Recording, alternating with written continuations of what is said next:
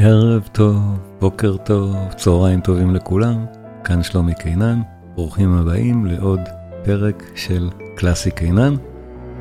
הפעם ובפעם הבאה אנחנו ממשיכים במוצרט, הפעם זה יהיה הסימפוניה קונצרטנטה, ובפעם הבאה הסימפוניה ה-40. אני משחרר את שני הפרקים בסמיכות, זה שתי הרצאות שניתנו בסמיכות, ובכלל, כיף להאזין להן ביחד. חשוב לציין שההרצאות האלו עלו במקביל גם לערוץ היוטיוב של הפודקאסט, שנקרא קלאסי קינן. קישורים גם לזה וגם לקורסים הדיגיטליים, החדש שבהם הוא מאלר, אני ממליץ לכולם לדגום, אז הקישורים בתיאור של הפודקאסט. סימפוניה קונצרטנטה, לכינור וויולה, אחת באמת מהנפלאות. בואו נהנה. בפעם הקודמת הייתה גם סוג של שיעור מוזיקה, בקריצה, של בואו נראה מה זה, מה זה הצורות האלה, צורת סונטה והשאר. והיום סימפוניות, אז צורת הסונטה זו הצורה. כל מה שנשמע בערך הוא צורת סונטה, ואני כל הזמן אדבר על זה גם.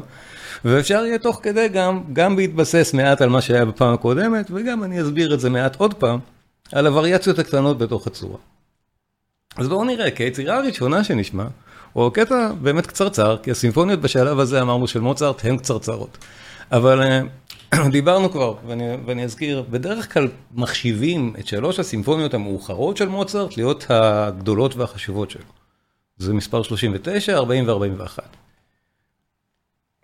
האלה שלפניהן הן באמת, ככלל, יצירות הרבה פחות יומרניות והרבה יותר קטנות. זה לא שהן סתם, נגיד, נחשבות פחות. אחת מהלא יומרניות והקטנטנות האלה, אני מאמין שבזכותו של הסרט עמדאוס, אבל אולי, אולי לא, אבל אני חושב שבזכות המקום של היצירה הזאת בסרט, הפכה להיות יצירה מאוד מאוד פופולרית. אני מדבר על הסימפוניה הקטנה בסול, בסול מינור.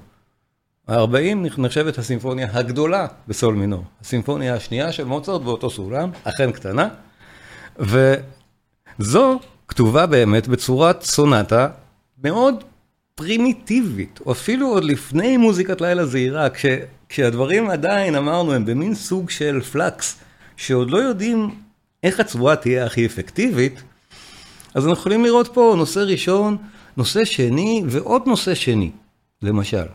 דברים די מגמגמים קצת לפני הצורה כמו שהיא אחר כך תהיה. אז בואו נשמע ותוך כדי ההאזנה אני אסביר, אני לא רוצה להכביר יותר מדי מילים על היצירה הקטנה והבאמת יפהפייה הזאת של מוצרט, שהלחין בגיל 17. אמרנו, כמה masterpieces מוקדמים יש לאיש, זו אחת מהן. נושא ראשון.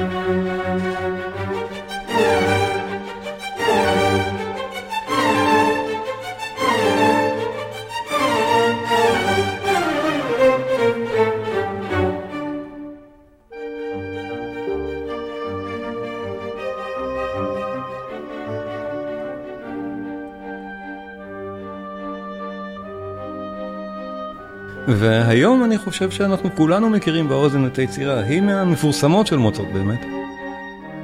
וזה קרה בעקבות, נדמה לי, כמו שאמרתי, הסרט עמדאוס. שימו לב, נושא שני,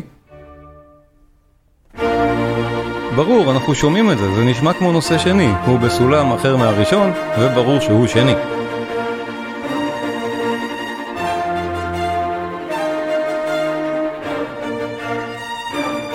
אבל כמו שאתם יכולים לראות אצלי בגרף, אני סימנתי שעוד מעט בא נושא שני, קראתי לו חלק B של הנושא השני.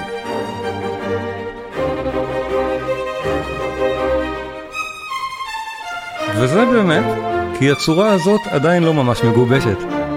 אז יש שני נושאים שניים באותו סולם שני של הנושא השני. הנה. נושא שני, שתיים. חמוד כל כך.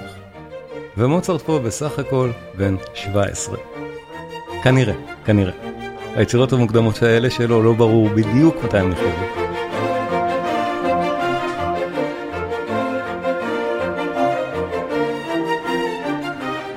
כן, זה אלגרו מהיר, ודאי.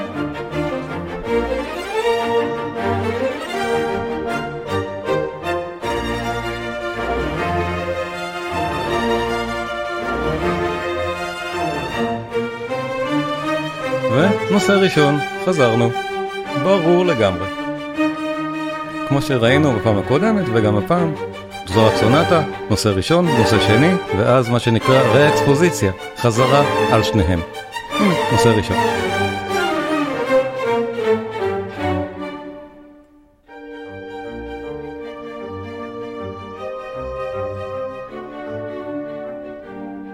מה שהתגבש באמת אחר כך, זה שהנושא השני הוא מנוגד באופיו לנושא הראשון, ולא רק בסולם שלו.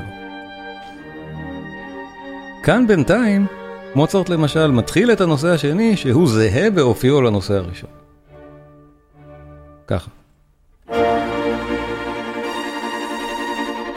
הבדלים קטנים שאחר כך באמת התגבשו לכלל הצורות של הסימפוניות המאוחרות של מוצרט ושל בטהובן ושל היידן ושל כל השאר האחרים.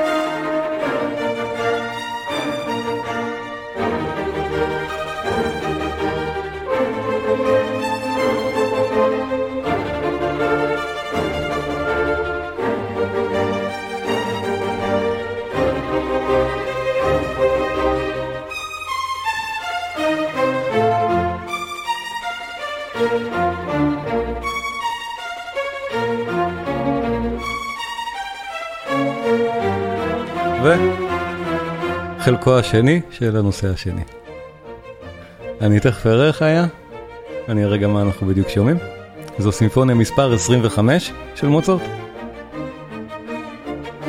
ואנחנו רואים את ההקלטה הזאת.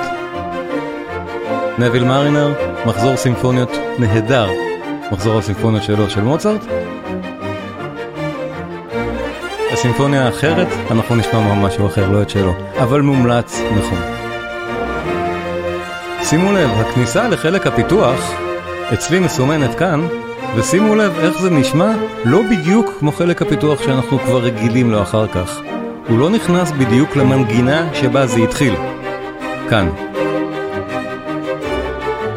אלא למשהו אחר שהוא רק מזכיר או בסולם של הנושא הראשון, ומגיע לנושא הראשון איפשהו פה באמצע, עכשיו.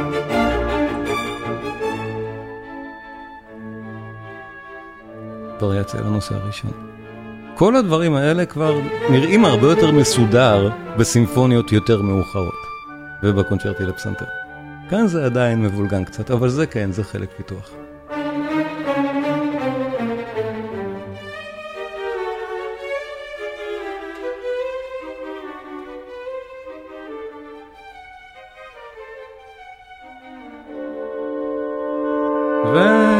וחזרנו.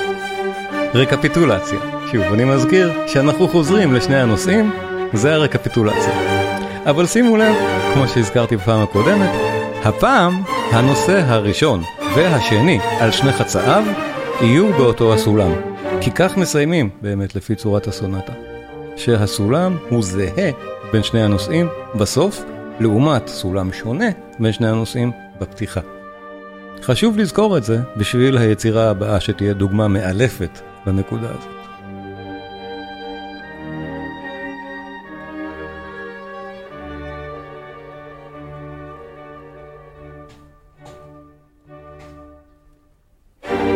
נושא שני, באותו סולם של הראשון, זה באמת נשמע אחרת מההתחלה. אני שוב אראה את ההקלטה. ומספר היצירה הספציפי זו סימפוניה מספר 25, מכונה סול מינור הקטנה. הסול מינור הגדולה זו סימפוניה מספר 40 שעוד נשמע תכף. מוצרט לא הלחין סימפוניות במינור בכלל, פרט לשתיים האלה. וביצירה הזאת הוא מאוד מאוד מושפע מהסגנון ההיידני של התקופה. היצירה היא לגמרי מוצרטית מבחינת האופי של המוזיקה, אבל מבחינת הסוגה ואיפה שנמצאת, זו הסימפוניה ההיידנית מוצרטית של התקופה, והיידן ודאי שהוא האושייה המובילה כאן בתקופה הזאת. ואני מאוד ממליץ להאזין לסימפוניות של היידן, דיברנו עליהן כאן כבר, ואפשר יהיה לדבר עליהן עוד פעם. הן גם נהדרות.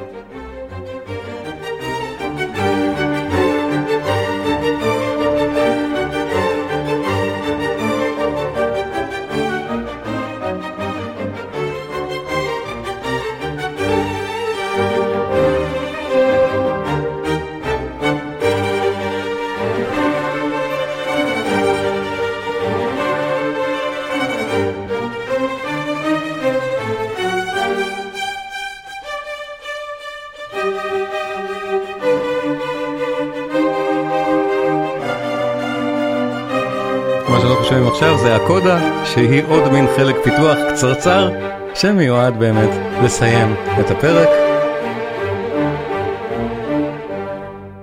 אז כן, הסימפוניה מספר 25, סול מינור הקטנה של מוצרט, נהדרת, מומלצת להאזנה. והיצירה שאני עוד חייב לכם מהפעם הקודמת, ועכשיו, ועכשיו יונה כאן, אז עוד מעט יונה תפתח מיקרופון, אבל אתה רוצה לדבר על הפרק השני שלה. אני רוצה שנייה לנתח את הראשון. אה, הסימפוניה קונצרטנטה, לכינור וויולה של מוצרט, שהייתה באמת קשורה קצת לתוכן של הדברים הקודמים, אבל יצירות התזמורת, התזמורתיות הנפלאות של מוצרט, שהן לא בשום סוגה, אה, לא שייכות לשום סוגה נניח סטנדרטית.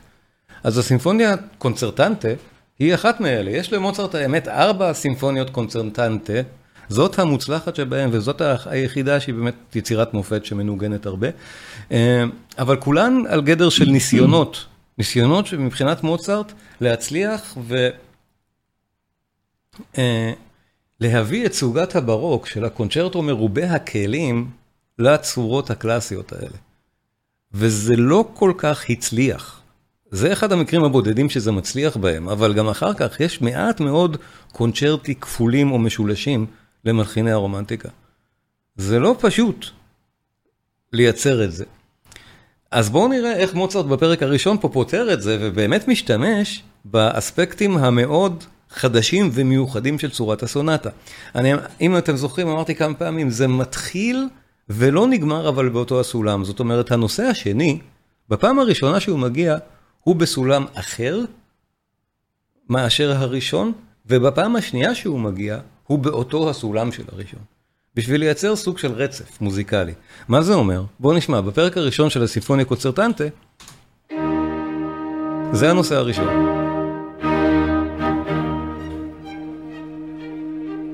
הוא כמובן חוזר ברקפיטולציה, בסוף היצירה.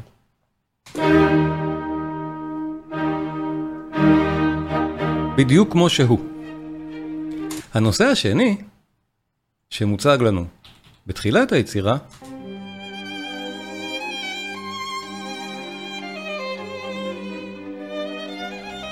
חוזר בסופה בסולם אחר.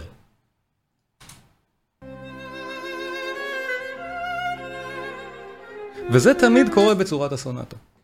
אמרנו, הסולם שהוא חוזר בסוף, זה הסולם המקורי. אז מה מוצרט הבאמת גאון עושה פה? הוא אומר, בגלל שזה שני כלים שונים, ואני רוצה לתת לכל אחד את המקום שלו, אני מחלק את זה עכשיו, כל אחד גם למנעד המתאים שלו. אני משתמש בשינוי הסולם הזה בשביל לתת את הרגע הכי יפה לכל אחד מהכלים, בצורה שהכי מתאימה לו גם. זאת אומרת, הרגע הכי יפה נמצא באמצע אותו חלק, אותו חלק, אותו נושא שני. זה זה.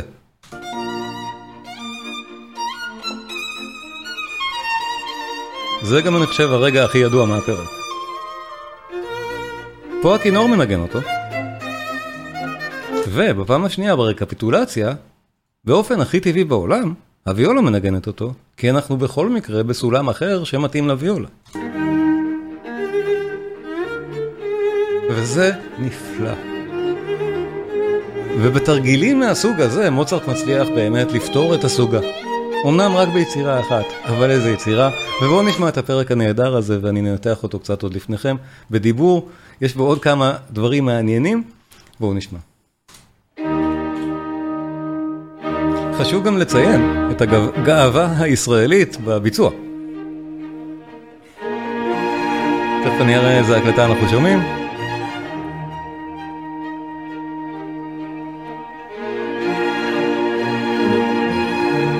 סליחה.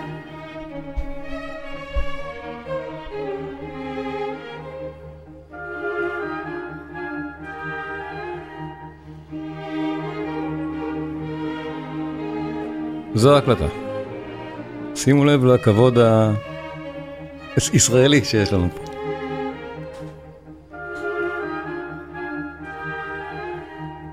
נהדר.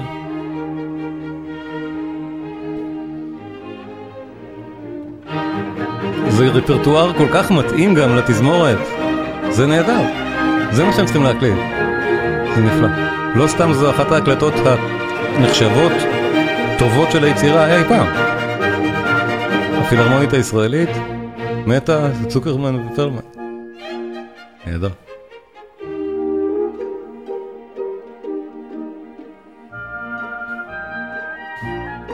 אז זו גם יצירת מופת מוקדמת של מוצרט. עוד מעט נשמע יצירת מופת מאוחרת. אבל זו עוד, חוב, עוד חובה שלי, חוב שלי, מהפעם הקודמת. ואת זה הוא הלחין בטיול שלו, שהוא התחיל לחפש עבודה מחוץ לזלצבורג. אז היצירה באמת בוצעה בפריז ובמנהיים.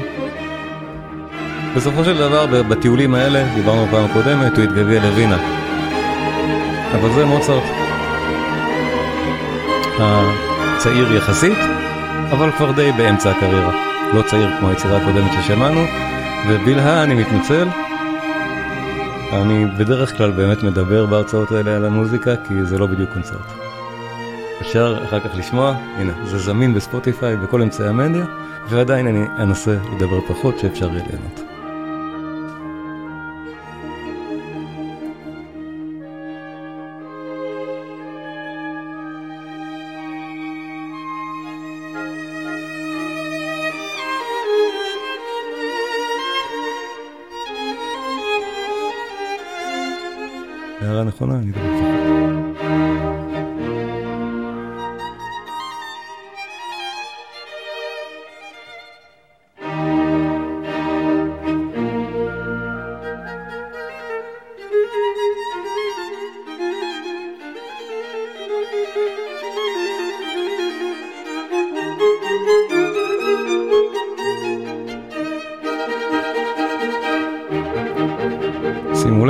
שימו לב, נושא שני, מגיע עכשיו, והפעם זה הכינור.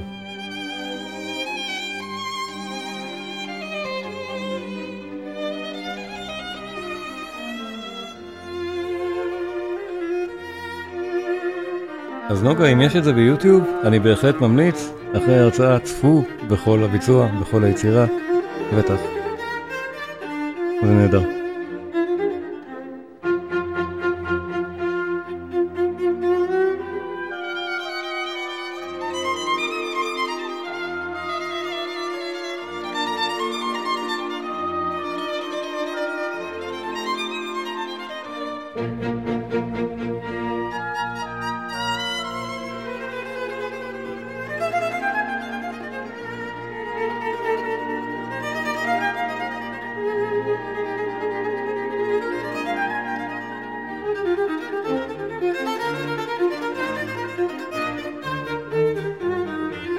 ושימו לב, הרגע היפהפה, שברור, שמענו אותו קודם, והסולמות מוכוונים בכל כלי סולו ברגע הזה שלו. זו לא סימפוניה, מירי, אני אראה שוב מה זה, זו יצירה שנקראת הסימפוניה קונצרטנטה לכינור וויולה, זה זה.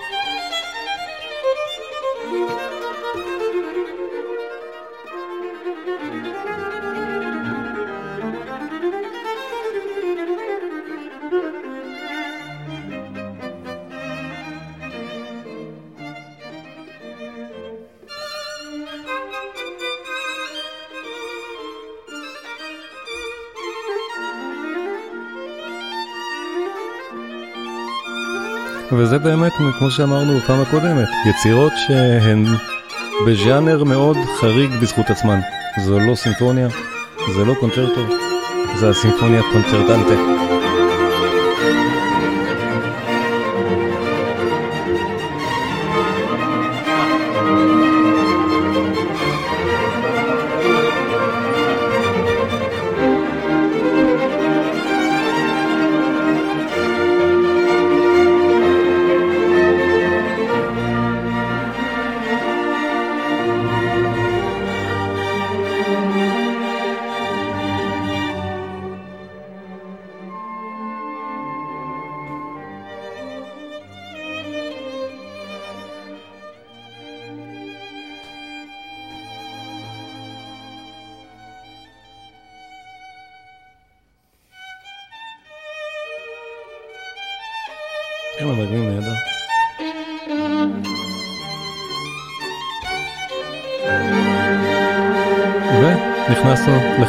הפיתוח, נשמע כמו ההתחלה, אבל פיתוח, בדיוק כמו בסימפוניה הקודמת, כאן הוא מעט יותר ארוך.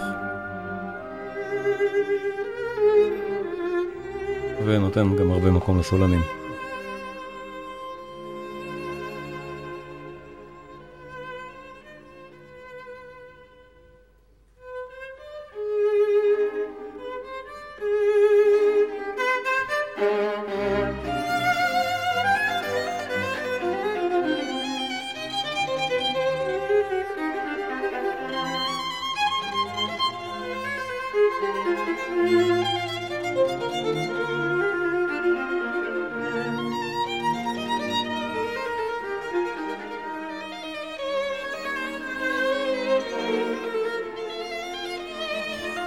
מוצרט כאן באמת בשיאו, זאת אחת מיצירות המופת הגדולות של מוצרט, הסימפוניה קונצרטטה, הוא למרות שהוא צעיר, וזה לא סימפוניה, יצירה פשוט טובה, כל תו בה.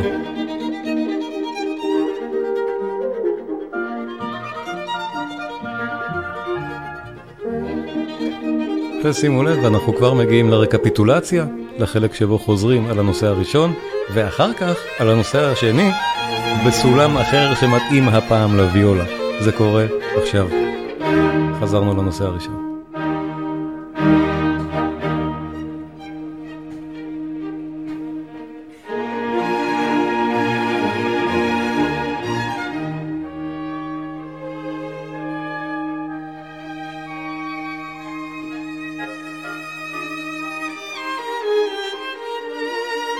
אז זה כמו שזה התחיל. הרקפיטולציה מתחילה בקבוצת הנושאים הראשון, הראשונים, קבוצת הנושא הראשון, כמו שהיה במקור. ואז כל פעם במעבר שונה, אנחנו עוברים לנושא השני בסולם אחר מהמקור, אבל זהה לזה. שימו לב, זה קורה תכף.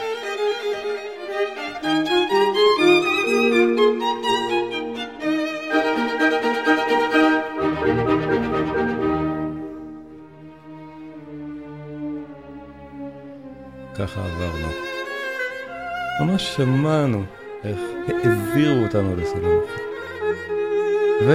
והוויולה כאן יכולה לדבר באזור, באזור הנוחות שלה.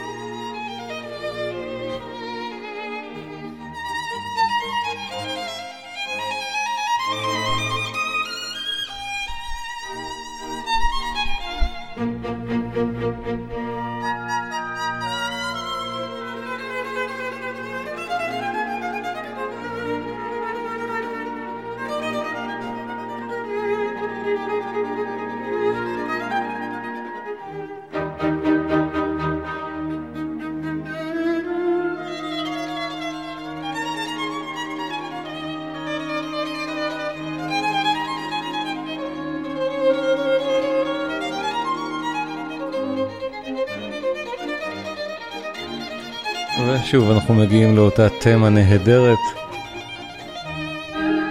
אה, מנוגנת הרבה יותר נמוך.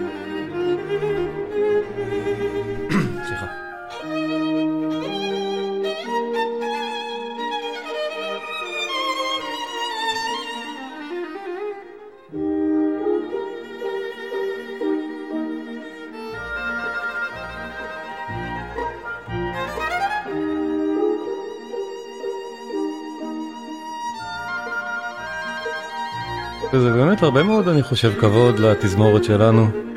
ודאי שלשני המוזיקאים הנהדרים שמנגנים הם כסולנים, אבל גם לפילהרמונית, שאלה הדברים שהיא צריכה להקליט.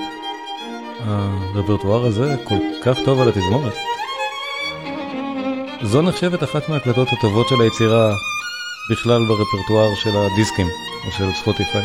ההקלטה הזאת של הפילהרמונית שלנו, ו... שיותר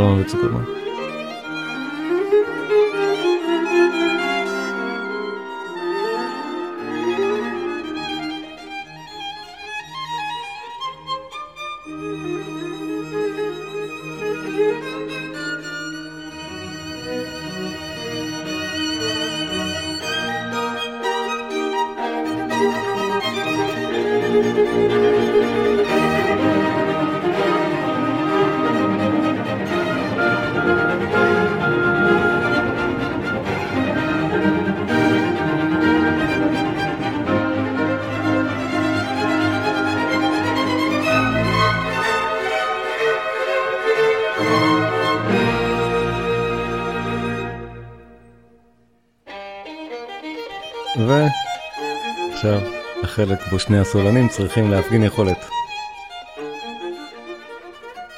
נהדר.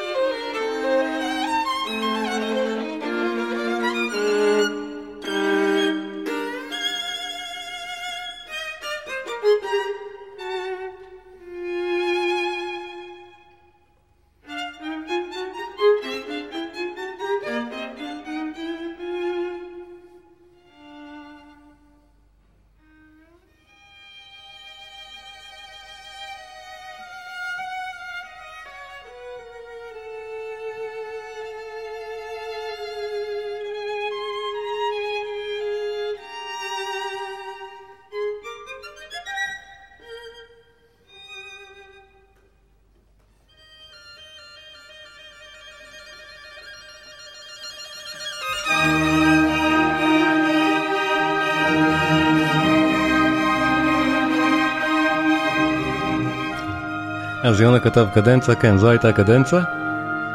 ובקונצ'רטו באמת יש את, הח... את חלק הקדנצה תמיד בפרקים האלה, ודאי.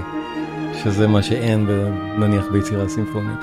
יש עוד כמה הבדלים, כמו שראינו עכשיו, אבל גם זה בנוי על אותם עקרונות של אותה הצורה, צורת הסונטה, גם הקונצ'רטו האלה.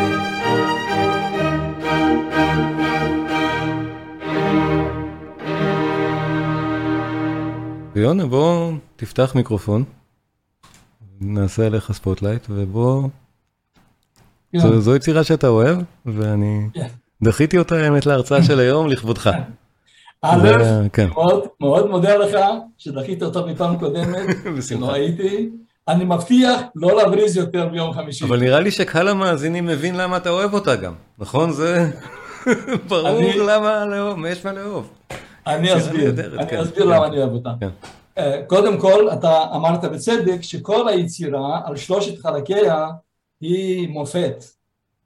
ואני רוצה להתרכז על החלק האמצעי. אז בוא נשים לך את זה בתור מוזיקת רקע, כי אני לא אספיק להשמיע את כל היצירה היום, אני רוצה לא, לעבור לסימפוניה. תשאיר, לא, לא, תשאיר, תתחיל אחרי שאני אדבר, רק אפילו משפט אחד, שהכינון נכנס בוויולה. ואחרי okay. אוקיי. שתפסיק מתי שאתה רוצה. אוקיי, okay, בסדר גמור. אני רוצה שתדבר דווקא כמה שיותר. זה משמעותי. אוקיי. זה משמעותי.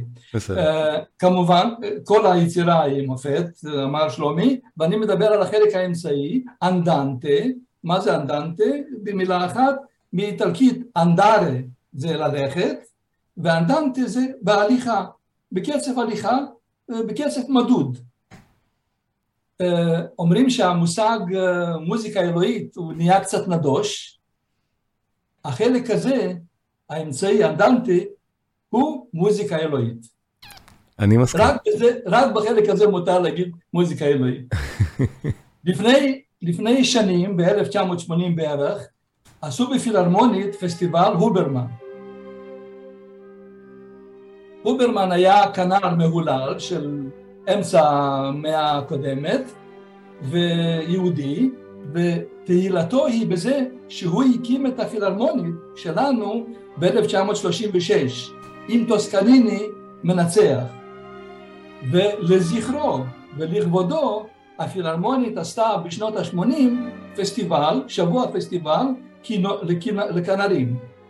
כל הכנרים הגדולים באו לארץ, זה לא היה קשה, כי אז עוד כל הכנרים הגדולים היו יהודים, וכל אחד ניגן מה שהוא רצה, וכבר שלומי עשה לי פרומו, שני הכנרים המהוללים האלה, פרלמן וצוקרמן, אני קורא להם כנרים, פרלמן וצוקרמן, החברים, הם החליטו שהם ינגנו את היצירה הזאת, סימפוניה קונצ'רטנטה, לכינור וויולה. כי פרלמן ינגן בכינור, שהוא מהולל, וצוקרמן גם כן כנר מצוין, אבל הוא גם ידע לנגן בוויולה. אז הנה, כמה שזה מתאים להם, נהדר. אני הייתי בקונצרט הזה, וכשהם פתחו בחלק השני הזה באנדנטה, הסתכלתי מסביב, כולם הוציאו את המטפחות לנגב את העיניים מרוב התרגשות. כשפרלמן, אחרי משפט קצר, פרלמן נכנס בכינור, זה כאילו ששומעים כינור יהודי מסורתי, כמו כנר על הגג. וכשאחרי משפט נוסף, צוקרמן נכנס עם הוויולה, זה כמו קול נדרי, כמו הקול נדרי של, של מקס ברוך. מקס ברוך הלחין יצירה לצ'לו אמנם, ותזמורת שקוראים לה קול נדרי. והצליל של הצ'לו הוא קצת דומה לצליל של הוויולה, ממש ככה. זה היה התרגשות כל כך גדולה באולם, והם ירדו מהבמה כולם, שני הכנרים האלה כולם מחוממים. פרלמן סיפר בזמן, ביותר מאוחר, כשכבר ירדו מהבמה, מאחורי הקלעים, הוא פנה לצוקרמן, לחבר שלו, ואמר לו, כמו שאנחנו ניגענו היום, אנחנו כבר לא ננגן אף פעם, מרוב התרגשות. וכמו שאני אומר תמיד במקרים כאלה, בכל בית, שלא יהיה בית יהודי כשר, שלא תהיה ההקלטה הזאת בבית. וכשנשמע אותה בבית בנחת, את הכינור נכנס ואת הצ'לו נכנס, ואיך שהם מתפלפלים ביניהם לאורך כל האנדנטה הזה הנפלא. יונה, אחרי מה שאתה אמרת, אני לא מרגיש עכשיו שאני יכול שלא להשמיע את זה. לא, אנחנו נשמע את הכל. אתה צודק, אתה צודק, אני באמת אה, חוזר בי ואומר, אחרי מה שאתה אמרת עכשיו, וההקלטה הזאת היא באמת כל כך יפה, שבואו נאזין לה ככזאת בלי לנתח. כי לא, זה לא פרק שניתחתי, אבל זה כל כך יפה באמת. בואו נאזין, וסימפוניה 40 בפעם הבאה. למה לא? בשמחה. זו יצירה כל כך יפה, זה נכון? ובואו, בדיוק מה שיונה אמר, אם אתה רוצה המיקרופון שלך עדיין פתוח, ואתה יכול להגיד, הנה, כאן נכנס אותו הכינור שמביא אותך לגן עדן. בואו נשמע, זה באמת נפלא, אין מילים. בעיקרון, יש משפט אחד של התזמורת, ומיד נכנס הכינור. וכשהוא גומר את המשפט, נכנס הוויולה. ואחרי זה הם מתחילים לשיר ביחד בדואט כזה יפה. בואו נאזין. בואו נשמע. התזמורת.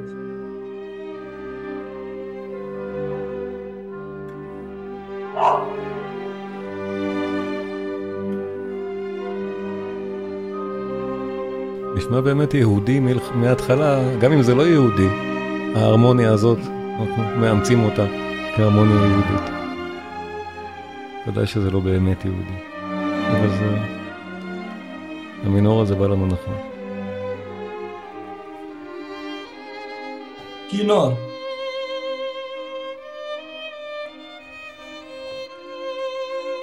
כינור יהודי. כן. במקרה הזה כפשוטו. נגן הכינור היהודי והתזמורת היהודית מנגנים את זה, כן. נכון.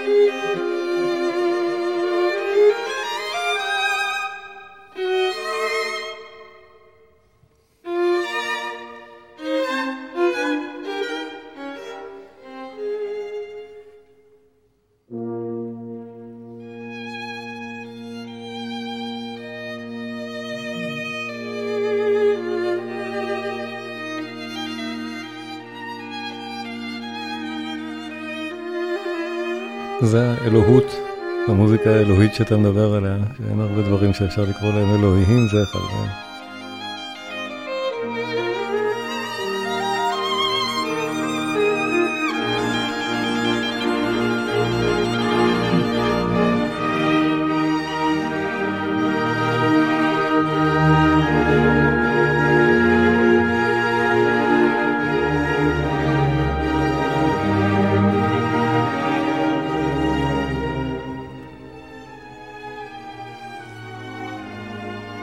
באמת מאמין שאם היו קוראים ליצירה קונצ'רטו או סימפוניה, היא הייתה מנוגנת הרבה יותר.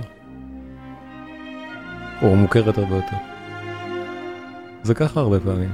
אין כל כך קונסטלציה תזמורתית לנגן אותה. זה לא סטנדרטי לקונצרט, אה, ולא, אף פעם לא היה. וזה לא נכלל באוסף הסימפוניות של מוצרט. צריך לחפש ספציפית. את הסימפוניה קונצרטנטה.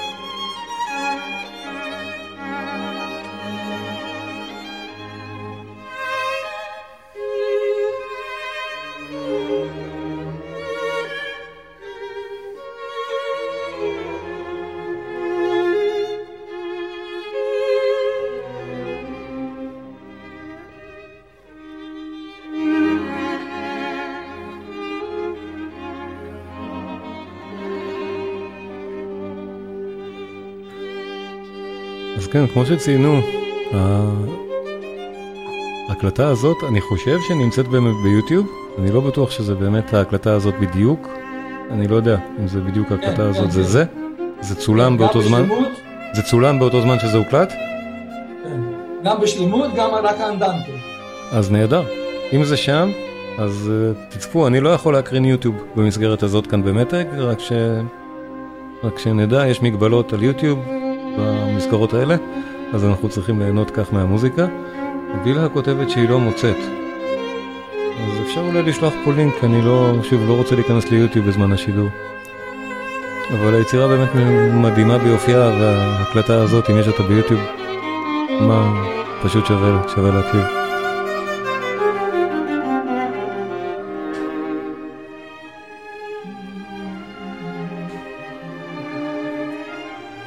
שומעים אותך מפזם כמה אתה נהנה.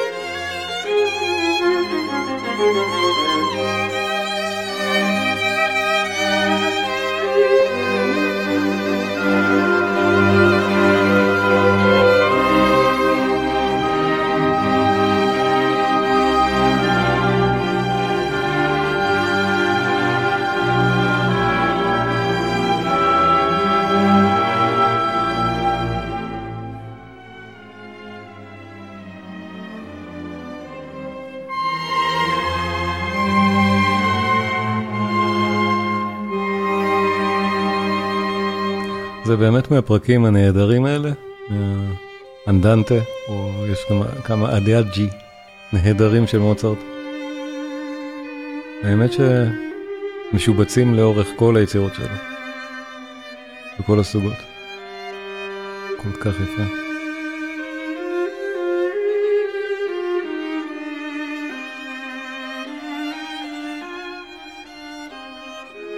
קדנצה?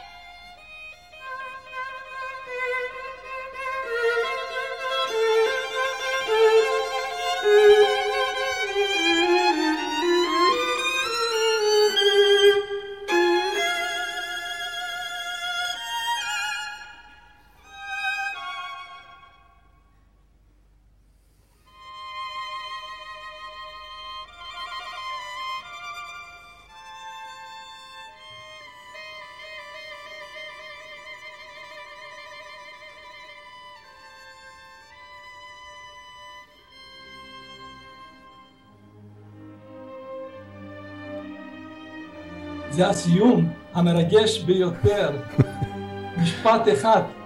לכן אני לא דיברתי, לא אמרתי מילה. נתתי לזה לדבר. כל כך מרגש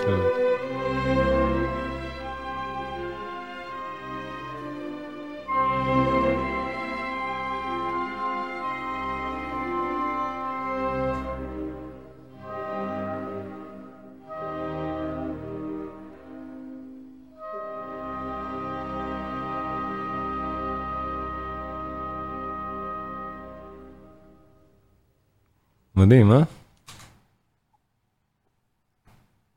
יונו, אתה רוצה גם את הפרק האחרון? לרשותך, מה שאתה רוצה. הוא גם נהדר, כל היצירה הזאת היא נפלאה.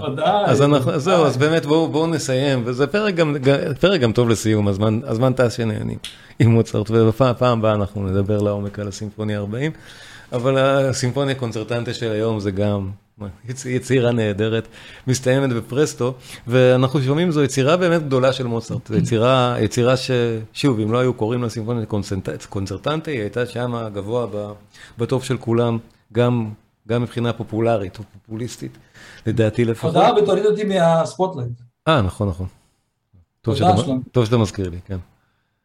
רגע. הנה. אז...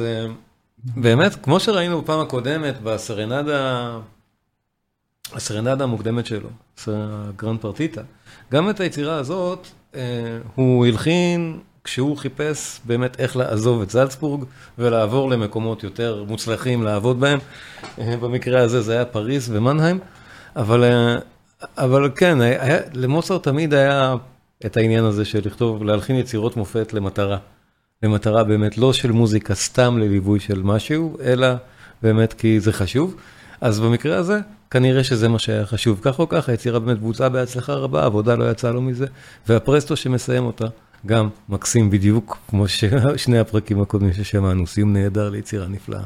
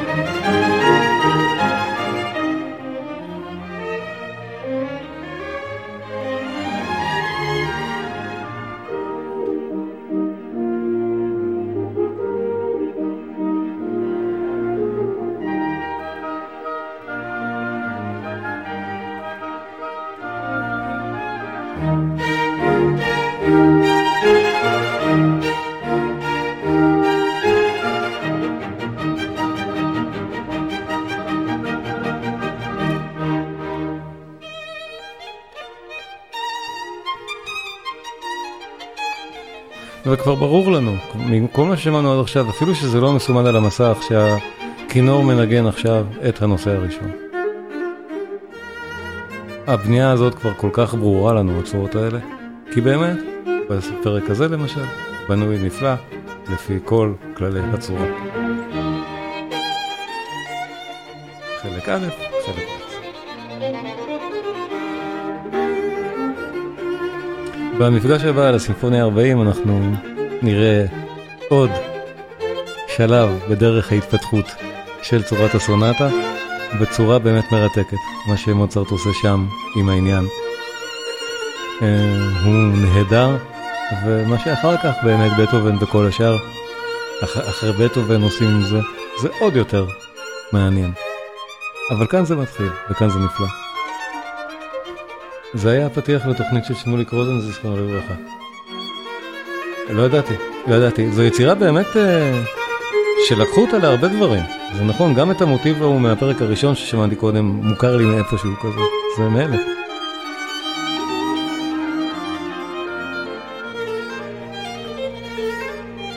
אבל זה הקלטה גם נהדרת, זה כל כך טוב.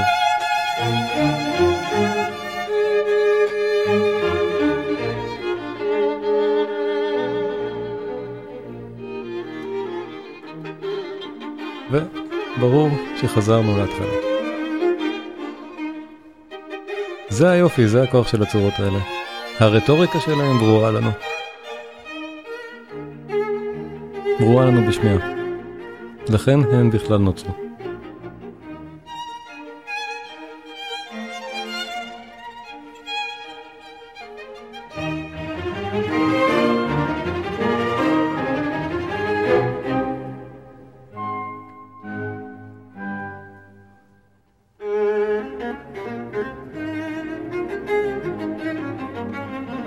כותבת, השתתפתי בתוכנית באופן קבוע.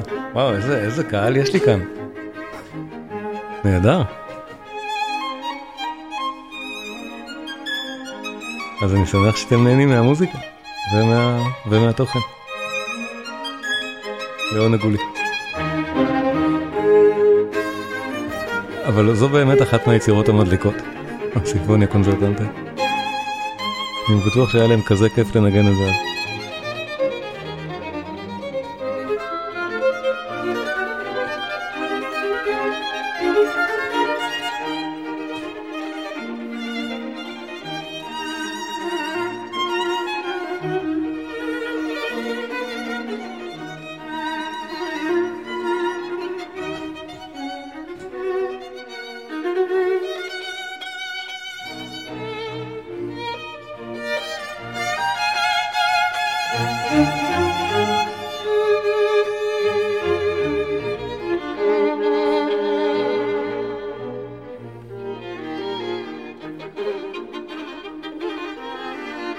ברור שחזרנו לנושא הראשון. הרקפיטולציה של הפרק.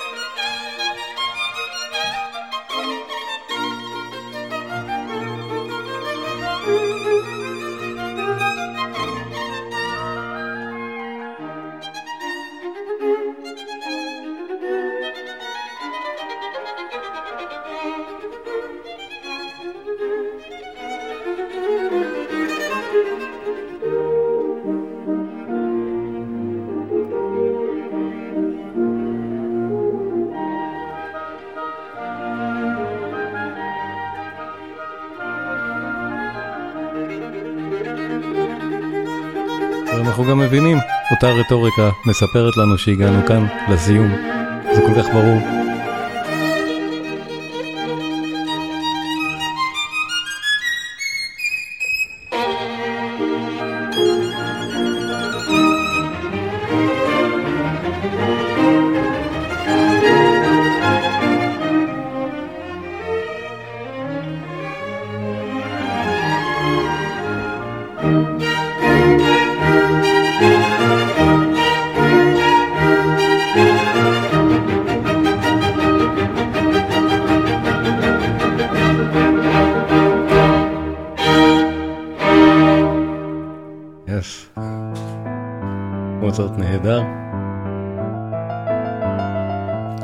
תודה לכולם על ההאזנה, ומיד אתם יכולים להמשיך ולהאזין ישר לפרק הבא על הסימפוניה 40 של מוצרט, זה ממש המשיך ישיר, והעליתי את שני הפרקים האלה ביחד, גם לכאן וגם לערוץ היוטיוב, קלאסי קינן.